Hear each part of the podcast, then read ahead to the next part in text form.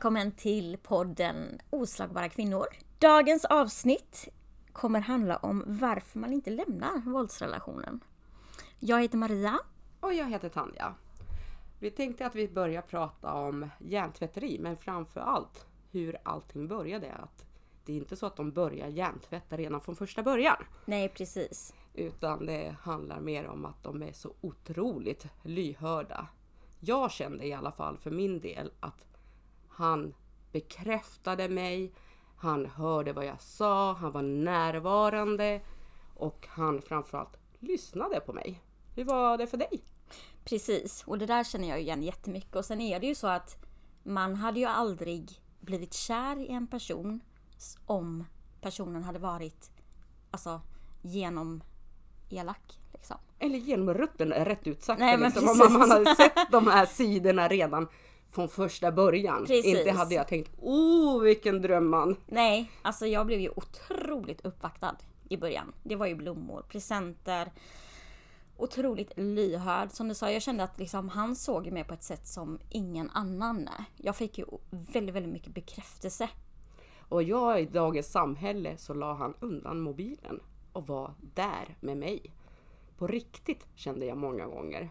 Ja, det är också en form av bekräftelse liksom. Ja, medan i slutet det enda som existerade i hans hand det var den där jävla telefonen. Ja, precis. När kände du att det förändrades för din del? Att smekmånadsfasen var över? Alltså jag kan inte riktigt säga ett datum eller en dag så. Men... Var det långt efter eller var det ga- Nej, ganska det, nej, tidigt? det var ganska tidigt. Eh, jag kommer ihåg att det var den här magkänslan man fick. Och liksom att, eh, ah, men det var mycket att jag kanske, ja men han sa mycket att, eh, men det är inte äkta kärlek om man liksom inte är svartsjuk eller om man inte blir så här arg så, så älskar man inte en person. Vart hon arg redan från första Ja, början? men det var ganska tidigt ändå. Men, men då tänkte jag liksom, nej men han har nog bara hett temperament och sådär. Jag försökte liksom hitta ursäkter hela tiden. Jag känner igen det där. Jag, jag hittade också på ursäkter för hans skull. För min sa ju aldrig att han var svartsjuk eller det. Men jag märkte ju det på honom eftersom plingade i min telefon så var det ett, Vem är det? Vem är det? Precis. Och också det där att successivt tog han över min telefon. Eh, med tiden liksom. Men i början så var det ju inte alls lika liksom märkbart sådana saker. Eh, jag tänker att i början var det nog 99% kärlek. Eh, och 1% svartsjuka och, och eh, temperament. Medan i slutet så var det ju 99% ja precis. Av svartsjuka och kontroll och våld. Och 1% kärlek. Och man bara liksom ville ha de här kaksmulorna hela tiden. Som man visste att man fick i början. Hur var det för din del? Eh, för mig var det mer att lögnerna faktiskt. Att eh, han ljög. Eller jag fick rättare sagt i början väldigt tidigt också. Eh, jag tror att det var efter tre månader. Fick jag en så stark kä- magkänsla av att nu ljuger han. Ja, det är något som inte stämmer liksom. Ja, att det var lögn, men jag kunde inte bevisa det. Eftersom tog, men jag tog upp det med honom och sa till honom att eh, är det här, stämmer det här verkligen? Och då var det så här, men älskling, du bara inbillar dig. Och då började jag liksom tänka på det. Ja, men jag kanske inbillar mig då. Han kanske har rätt eller... Han hade alltid så bra ursäkter till allting som jag frågasatte men jag kunde aldrig bli kvitt den där magkänslan. Jag kände också alltid att vi pratade aldrig ut om saker och ting. Utan det var liksom när han hade valt att nu är det ämnet slutdiskuterat, då var det slutdiskuterat också. Precis, det känner jag igen väldigt tydligt. Jag blev ju också väldigt straffad med tystnad om jag tog upp saker och ting. Samma här.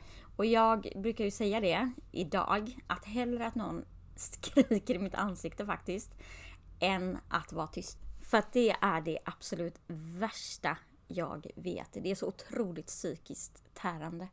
Det var det för mig med.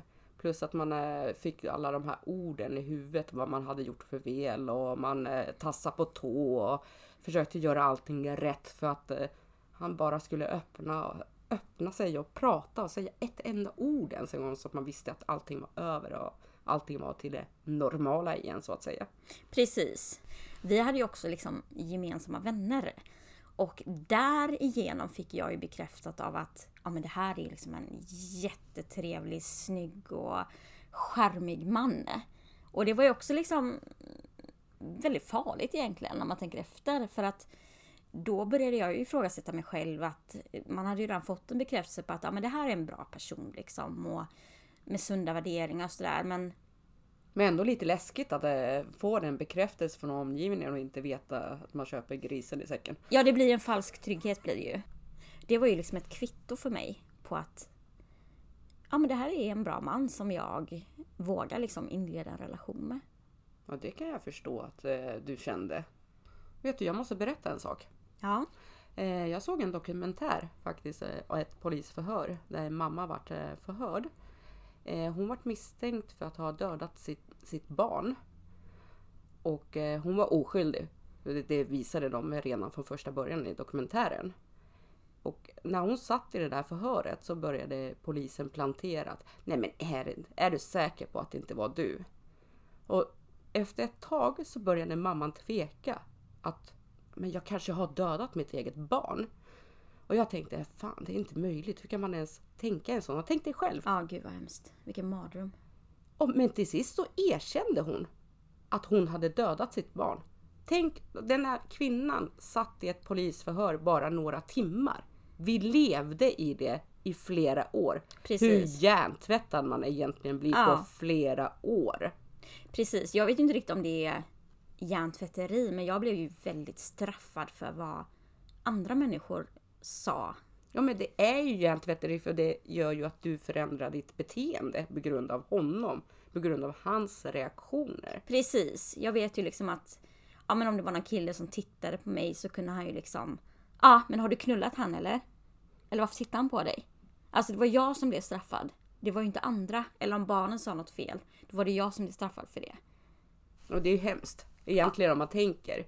Medan min var ju mer så här, träffar vi till exempel hans vänner eller några som han kände eller vad som helst. Han kunde ställa sig framför mig som om inte jag existerade överhuvudtaget och jag kände mig alltid utanför. Ja. Han var aldrig så här liksom, har du knullat den, har du knullat den? Ingenting sånt överhuvudtaget. Men han uteslöt mig istället många Frös gånger. ut dig liksom. Ja. Som att du inte finns. Ja, jag kände mig så dum och bara stå där. Jag tog faktiskt upp det med honom en gång. Han bara, nej men oj, jag märkte inte det själv. Nej, men så låter det ju alltid. Ja, det är alltid. Ja, men jag fick ju alltid höra liksom att ah, men dina ögon glittrar för mycket. Du, du ler för mycket, du är för glad, du är för trevlig. Och då blir det till slut att man börjar liksom ifrågasätta sig själv. Att oj då, men jag kanske ska tona ner eller... Jag var ju inte den här glada, spralliga Maria som jag var från början i slutet. Utan Nej, inte jag jag gick bara och tittade i marken. Och jag vågade knappt ha ögonkontakt med någon. Men samma sak min sa ofta i början liksom att ja, du är så positiv och allting och eh, du går med rak i ryggen och brösten utåt och i slutet kände jag mig att jag gick som en jävla hösäck. Ja, Att jag, jag existerar inte längre på samma sätt. Jag var inte längre samma kvinna som jag var i början när jag träffade honom. Utan då fick jag höra så här, men sträck på dig. Och bara klagomål. Alltså Ja. allt jag gjorde var, var fel i alla fall. Precis, och det var ju lite det som vi sa i förra avsnittet att man, man verkligen vänder ut och in på sig själv för att försöka nöja någon som aldrig någonsin kommer bli nöjd. Och det är ju otroligt dränerande. Och vet du vad min gjorde? Klaga på min andning. Ja, För att han sa att nu är det någonting som är fel för du andas på fel sätt. jo fast jag när jag tänker efter så tycker jag nog att du andas lite fel. Ja, då ska vi komma in på att jag kokar potatis fel också. Ja, just det. Hur fan kokar man potatis Men fel? det kommer ett annat avsnitt. Nu har vi pratat om hjärntvätteriet. Men vet du vad? Det finns en annan sak som också gör att det är svårt att lämna. Det är de här osynliga banden som man har till sina, sina ex. Eller dåvarande män så att säga. Ja, jag har inte så mycket kunskap om dem faktiskt. Jag fick faktiskt höra det på kvinnojouren jag bodde på. Och eh, fick förklarat på mig, till mig på ett annat sätt. Men eh, jag har gjort om dem faktiskt så att säga. På ditt sätt. Precis, så att eh, jag tyckte de var så flummiga när jag hörde dem första gången. Så jag ville göra dem så att man förstår dem lite enklare. Jo men du har ju fördjupat dig lite i dem eh, och även tagit upp det i din bok. Ja, det har jag gjort. Jag brukar beskriva mina band så här. Att eh, första bandet är, det är som en sytråd. Sen har vi en lina. Och så har vi repet. Och sista bandet är som en kedja. Och när man har- är i den sytråden. Då är det ju fortfarande att liksom man vågar stå upp för sig själv. Och eh, på ett så sätt så går ju bandet av när man står upp för sig själv. Precis som en sytråd. Snap! Så är den av. Att man vågar säga ifrån i det första skedet. Sen har vi en lina. Då säger man fortfarande ifrån men inte på samma sätt. Man springer i en lång löplina som precis som hundarna gör. Men han vävar in en. In i det liksom sitt mörka igen. Men man testar sina vingar fortfarande men inte på samma sätt. Och jag brukar alltid säga att man hör det här äh, i huvudet. Äh, jag bara inbillar mig. Äh, det, är, det är inte så farligt. Eller, äh, jag är bara lite känslig. Att på det sättet brukar jag försöka förklara det. Sen har vi ju repet. Då byts ju äh mot om istället. Om jag skulle ha varit snällare. Om jag bara, bara hade gjort som han sa. Och, alla om man si och så. Och att det byts ut till om istället. Medan alltså liksom kedjan, då är man verkligen fast. Precis som kedjan, man är som en jävla ankare under honom. Det är han som bestämmer, det är han som är fartyget. Det är han som vet åt vilket håll vi ska segla och allting. Medan jag har ingen talan längre. På grund av liksom att han har tagit över mitt liv. Ja men det var en väldigt bra förklaring. Man får ju en tydlig bild. Men nog om dig, mer om mig. Absolut hjärtat. Ja, berätta om dina band då. Nej men jag, jag tycker att det är, det är väldigt viktigt att få sådana här förklaringar. Och det är ju det som är också tanken med den här podden. Att man ger kunskap. Eh, att man belyser ämnet. För att jag hade ju ingen kunskap om våldet innan. Jag befann mig själv i en våldsrelation. Men man såg inte att man var i en våldsrelation Nej, heller. precis.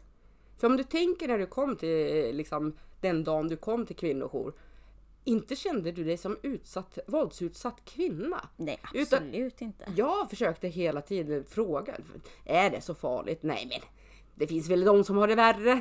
Precis, eller det här, ja men jag har ju bara fått liksom två slag eller jag har bara varit utsatt för strypgrepp eller jag har bara, alltså man förminskar ju hela, Ja. hela tiden sitt våld. För mig var det ju att jag hade bara varit utsatt för två strypgrepp. Ja, bara liksom. Ja, men jag kände inte det. Jag tänkte alltid att det finns ju de som blir Har det värre. Ja, Mm. blir halvt ihjälslagna.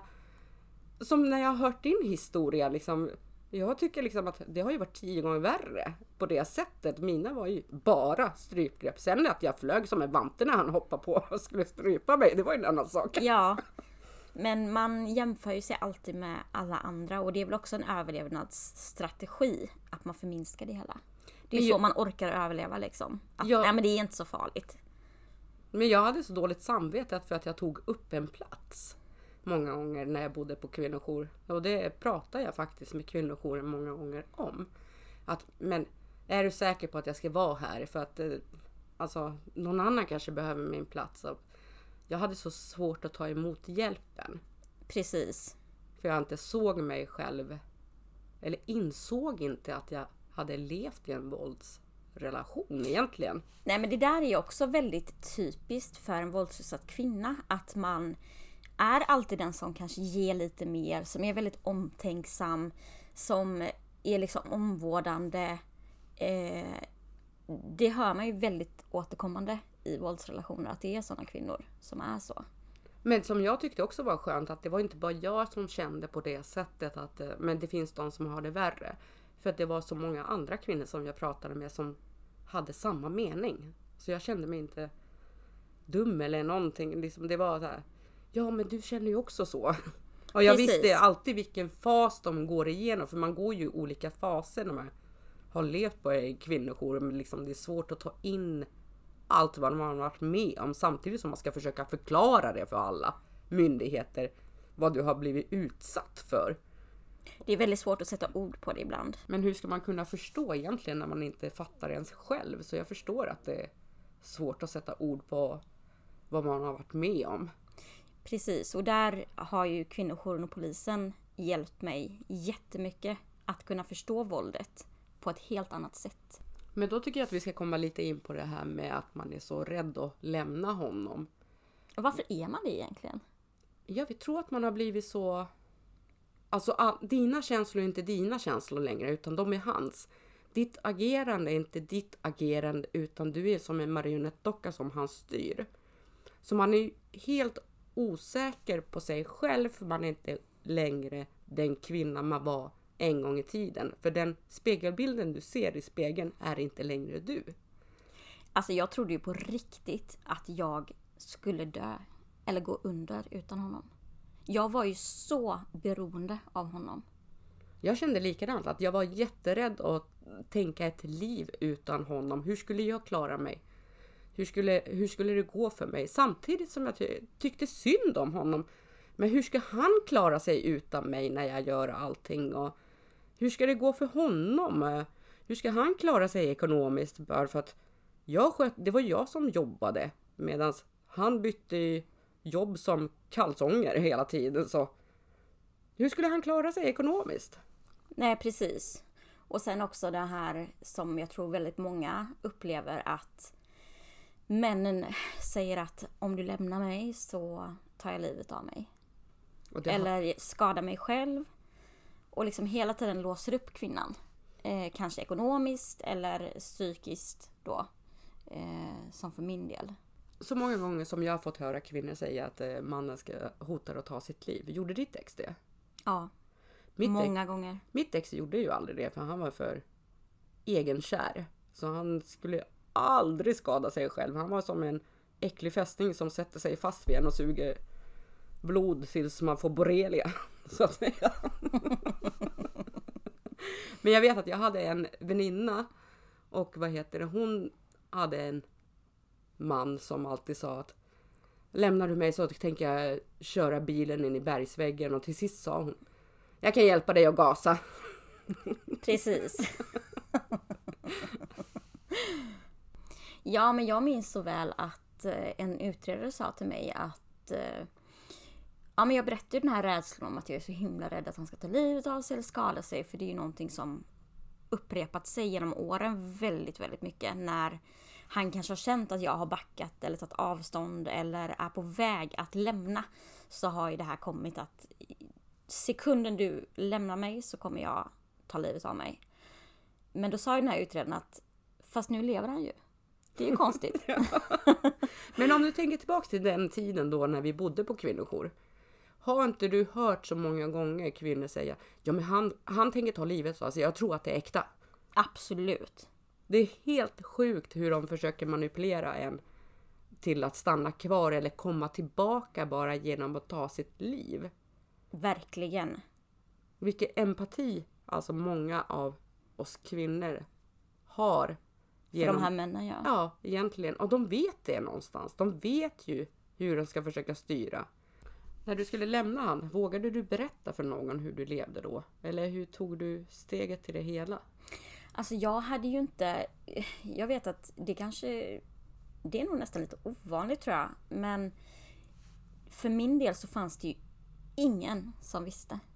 Ingen. Alltså jag hade ju inte liksom någon dagbok eller någon bästa vän som jag hade berättat för. Alltså mina föräldrar, min familj. Ingen visste. Jag skyddade ju han till tusen procent. Men det måste ha varit tungt att bära det helt ensam också i alla dessa år. verkligen jättetungt. Och att hela tiden skydda och försvara och ge sken om att allting är så bra, den här fasaden. Så att det var ju den jag var väldigt rädd för skulle rasera då när jag bestämde mig att lämna. Men då visste, det var också en hjälp för mig för att jag visste att dagen jag berättar för mina föräldrar så finns det ingen återvändo för mig. Jag berättade för folk och vad heter det, inte alla då, men de närmaste. Och det var, vissa vände ju mig Under ryggen. tiden menar du? Ja. Men sen hade jag ju vissa vänner som verkligen stod vid min sida oavsett vad och sa att jag stöttar dig för att vi gjorde ju slut sex, nej sju, åtta gånger under den här perioden ändå när vi var ihop och vi var ihop i fyra år. Det där är också exakt snittet för kvinnor. Ja, det fick jag höra när jag kom till kvinnojouren. Och jag vart så chockad att, eh, va? Man lämnar ofta sju, åtta gånger Ja. innan man bestämmer sig. Ja, det är helt sjukt för det, då kände jag mig lite normal i alla fall. Precis. Men det här att folk liksom vände dig ryggen under relationen när du öppnade upp dig och berättade hur du hade det. Hur var det för dig? Det var hemskt. Alltså jag kände mig som den blåsaste människan på jorden för att det var Men varför lämnar du inte? Jag hatade den frågan. Jag avskydde när folk frågade Men varför lämnar du inte bara honom? Jag önskade så många gånger att det skulle ha varit så lätt. För de gångerna till exempel när han stack så tyckte jag att det var så skönt för att jag började leva mitt liv normalt. Men så lyckades han alltid nästla sig in och jag kände mig, kände mig så blåst och jag kände att jag svek mig själv. Men framförallt att få höra det från sina vänner. Att eh, ja, men, du får nästan skylla dig själv för att du tar tillbaka han. Och du, Ja, det är ju ännu en skuldbeläggning. ja, och då kände jag mig ännu mer fast vid honom. Bara för att de vände sig ryggen till mig och jag, jag Till kände... slut har du nästan bara honom kvar. Ja men det var lite så jag kände. Att det enda jag hade kvar det var han. Han tog alla mina skal eller vad man ska säga. För att man var så nedbruten så det var ju liksom, han var ju min stöttepelare i det hela. Ja, för det är ju det absolut värsta man som vän kan säga till någon som är våldsutsatt. Att "Åh, går du tillbaka till honom så förlorar du mig. Det är alltså, nej, jag finns här nästa gång han slår dig. Jag finns här nästa gång han sårar dig. Alltså att man alltid, alltid finns där oavsett vad. För att ju mer som du säger där man blir liksom lämnad av vänner och anhöriga desto tajtare blir man ju med förövaren. För att det är ju bara han man har kvar till slut. Ja, jag hade några sådana vänner som verkligen stod vid min sida oavsett eh, hur mycket det stormade. Men så hade jag en väninna särskilt som jag kommer ihåg så väl. Hon plockade bort mig på alla sociala medier. Och sen hade hon träffat på min dotter, för hon, min dotter känner henne också. Och då hade jag lämnat, då bodde jag fortfarande på kvinnojour. Och då sa hon att, för hon hade väl sett någonstans på socia- sociala medier att vi inte längre var ihop. Och då hade hon sagt till min dotter, säg till din mamma att jag inte är arg på dig. Hon kan höra av sig. Ja, Och då känner man verkligen liksom, ja ah, men visst det där man är blir vän. jättesugen på att höra av sig. Verkligen. Alltså det var ju ingen som visste min situation. Eh, jag tror inte att det var så många som heller misstänkte.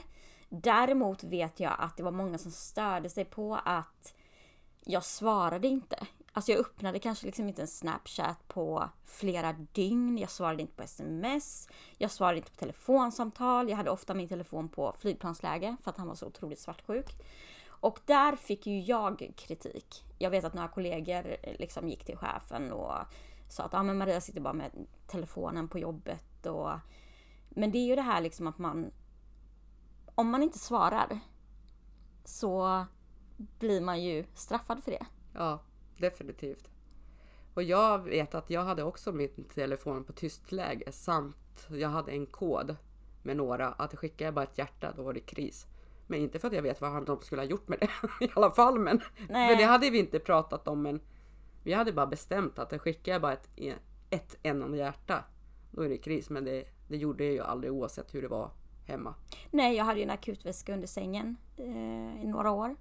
Som jag bara liksom hade det nödvändigaste för mig och barnen om vi behövde fly. Så att någonstans så är man ju medveten om våldet men man ändå väljer att blunda så mycket för det.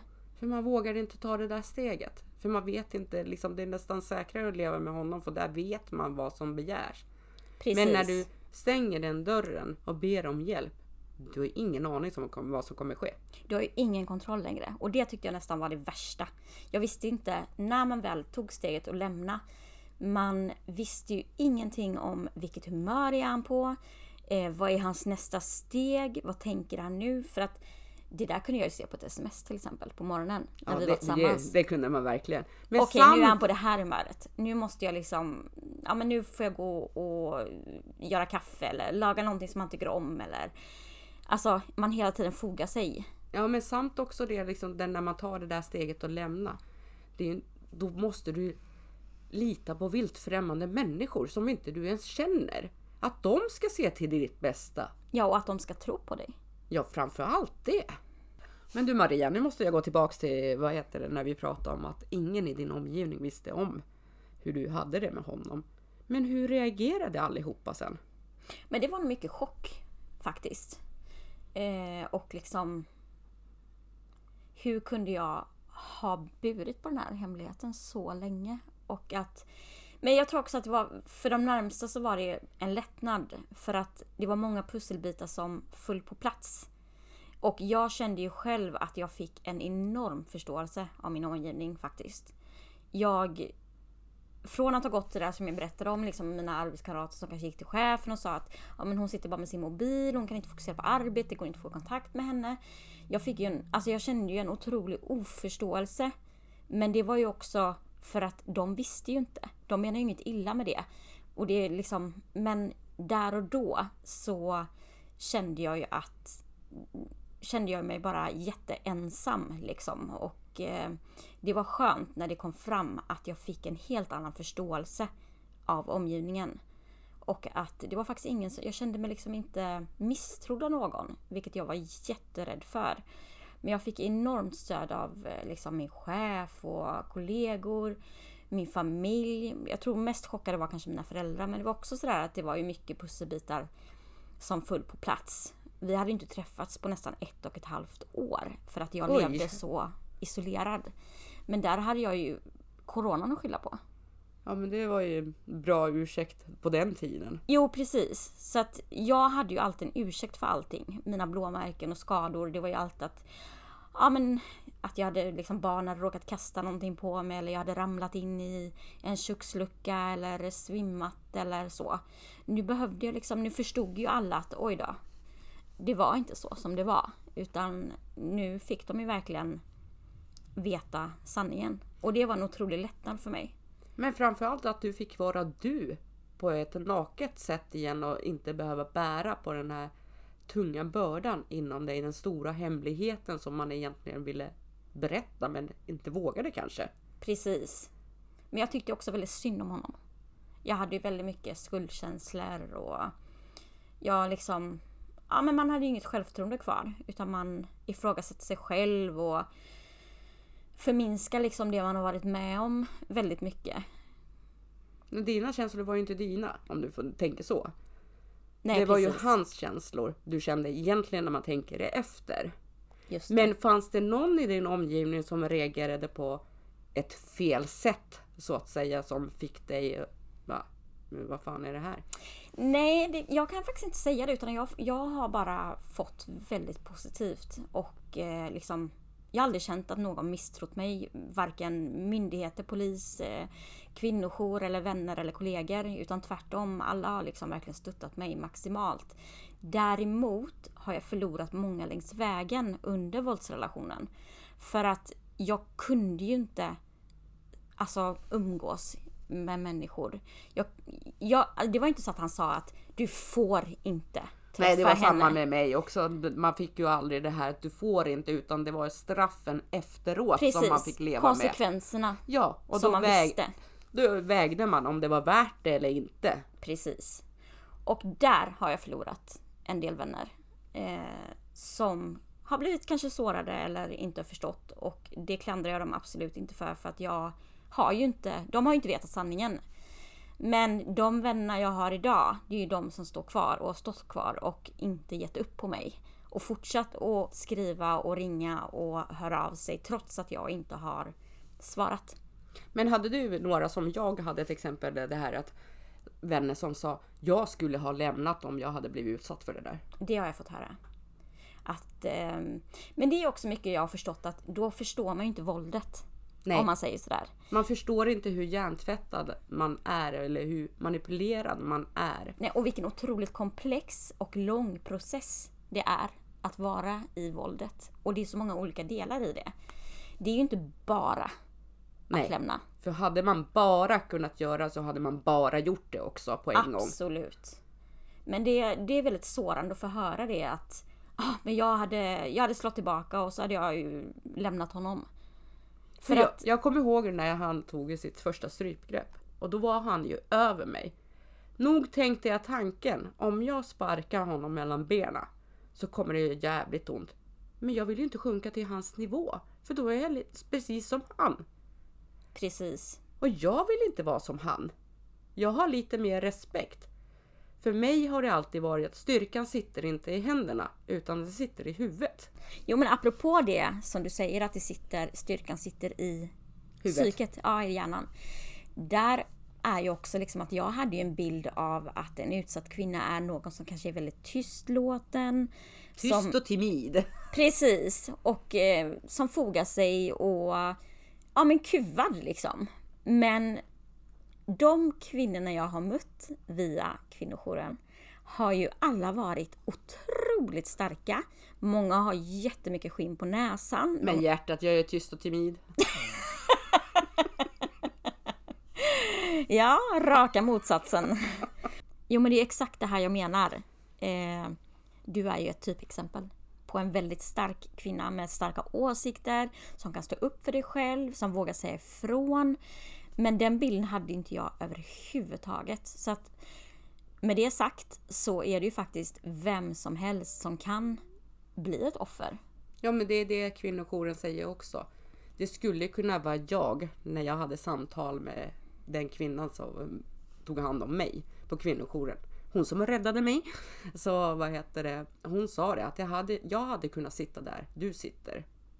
Så det kan drabba vem som helst. Och det var så skönt att höra. I början tänkte jag bara bla bla bla, eller hur? Liksom, du jobbar med det här som om det skulle kunna hända dig. Men idag tänker jag helt annorlunda. Ja. Och många av dem som jobbar på kvinnojouren har ju själva varit utsatta. Och då har den erfarenheten. På ett eller annat sätt har de varit utsatta. Och eh, det gör ju också att man har en helt annan förståelse för kvinnorna som kommer dit. Men samt att de har en förståelse liksom för oss kvinnor på ett helt annat sätt. Precis. Men du Maria, vad gjorde att du lämnade honom till sist? Oj! Alltså det var ju också en, en process. Brukar jag säga.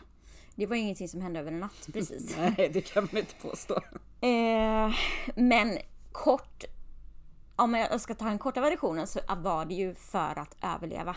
För att det hände en incident där jag fick en tankeställare att jag kommer inte, om jag fortsätter den här relationen så kommer jag inte komma ur den levande. Så att jag lämnade ju inte på grund av att känslorna tog slut utan enbart för att jag vill inte dö. Så han gjorde ju slut ungefär 71 gånger med mig eh, varje gång vi bråkade i affekt. Men den här gången när han gjorde slut i affekt, då bestämde jag mig att nu har jag chansen att lämna. För att om jag skulle gjort slut, det hade inte funnits på världskartan. Det hade han aldrig någonsin accepterat. Nej, då hade du blivit straffad. Precis. Så det här tog jag liksom hjälp av då polis och som i sin tur, jag fick hjälp av kvinnojour och det eskalerade ju även väldigt mycket efter att jag hade bestämt mig. Det var egentligen då som det blev riktigt farligt. Men det kommer jag komma in på i ett annat avsnitt. Ja, det tycker jag. Vad var det som fick dig att lämna? Ja, men det var lite samma. Att det var att jag visste att stannar jag kvar så kommer inte jag leva en vacker dag.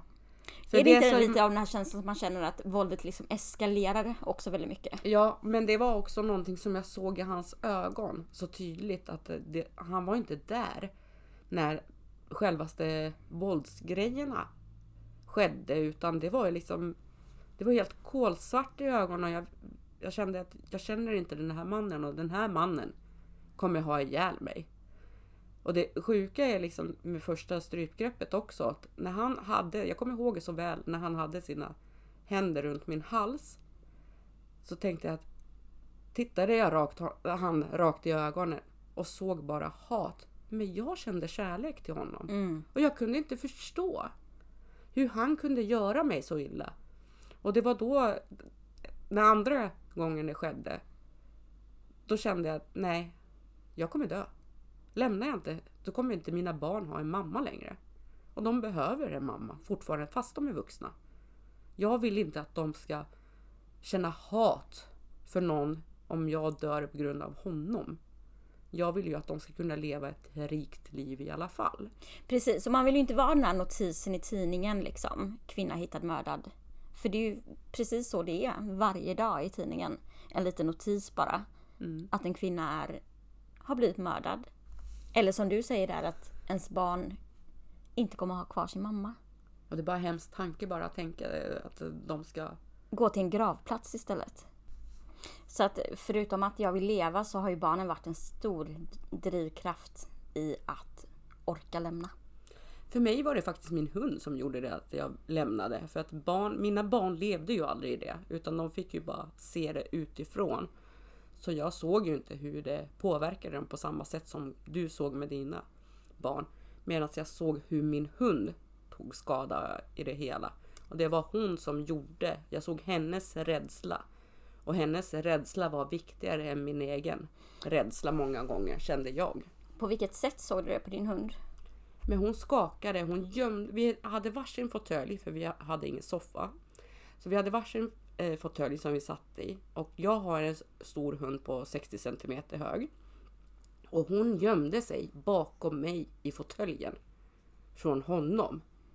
Så, och eh, då när strypgreppen hände, jag har ingen aning vart hon är. Men efter vet jag hur rädd hon var. Och det, där kände jag att nej, för fan, hon ska inte leva så här. Hon ska inte leva så. Men det var inte då heller jag tänkte att jag ska inte leva så. Utan det var först eh, senare. Alltså, men visst att jag såg ju rubrikerna i tidningen att trebarnsmamma död i sommarstugan. Men, men det var ändå hon som gjorde mer att jag lämnade. Vilken tur att du hade din hund. Ja, För annars hade jag nog stannat kvar tror jag. Mycket, mycket längre tid än den tiden jag stannade. Ja, och då hade det blivit en helt annan utgång. Kanske. Ja, ja, då kanske inte jag hade suttit här Nej. och haft, haft den här podden med dig idag. Nej, precis. Därav gjorde det många gånger att eh, jag hatade mig själv för att jag tog tillbaka honom så många gånger. Det var ju liksom för hennes skull många gånger också. Men just för att jag märkte att jag förändrades igen. I början var det alltid bra när vi vart ihop men sen gick det åt helvete. Jag levde i helvetet igen. Ja, men det är ju, det är ju sådär att det... När man liksom blir sams så är det jättebra. Och så upplever jag att det har varit mycket i våldsrelationerna att antingen så är det jättebra eller så är det jätte, jättedåligt. Ja men det är precis som du säger, liksom att i början där man blir ihop.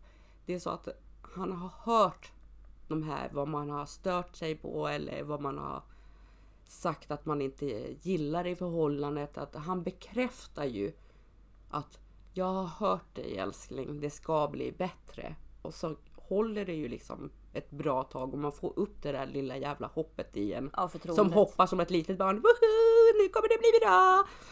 Precis. Och så blir det ju aldrig. Nej.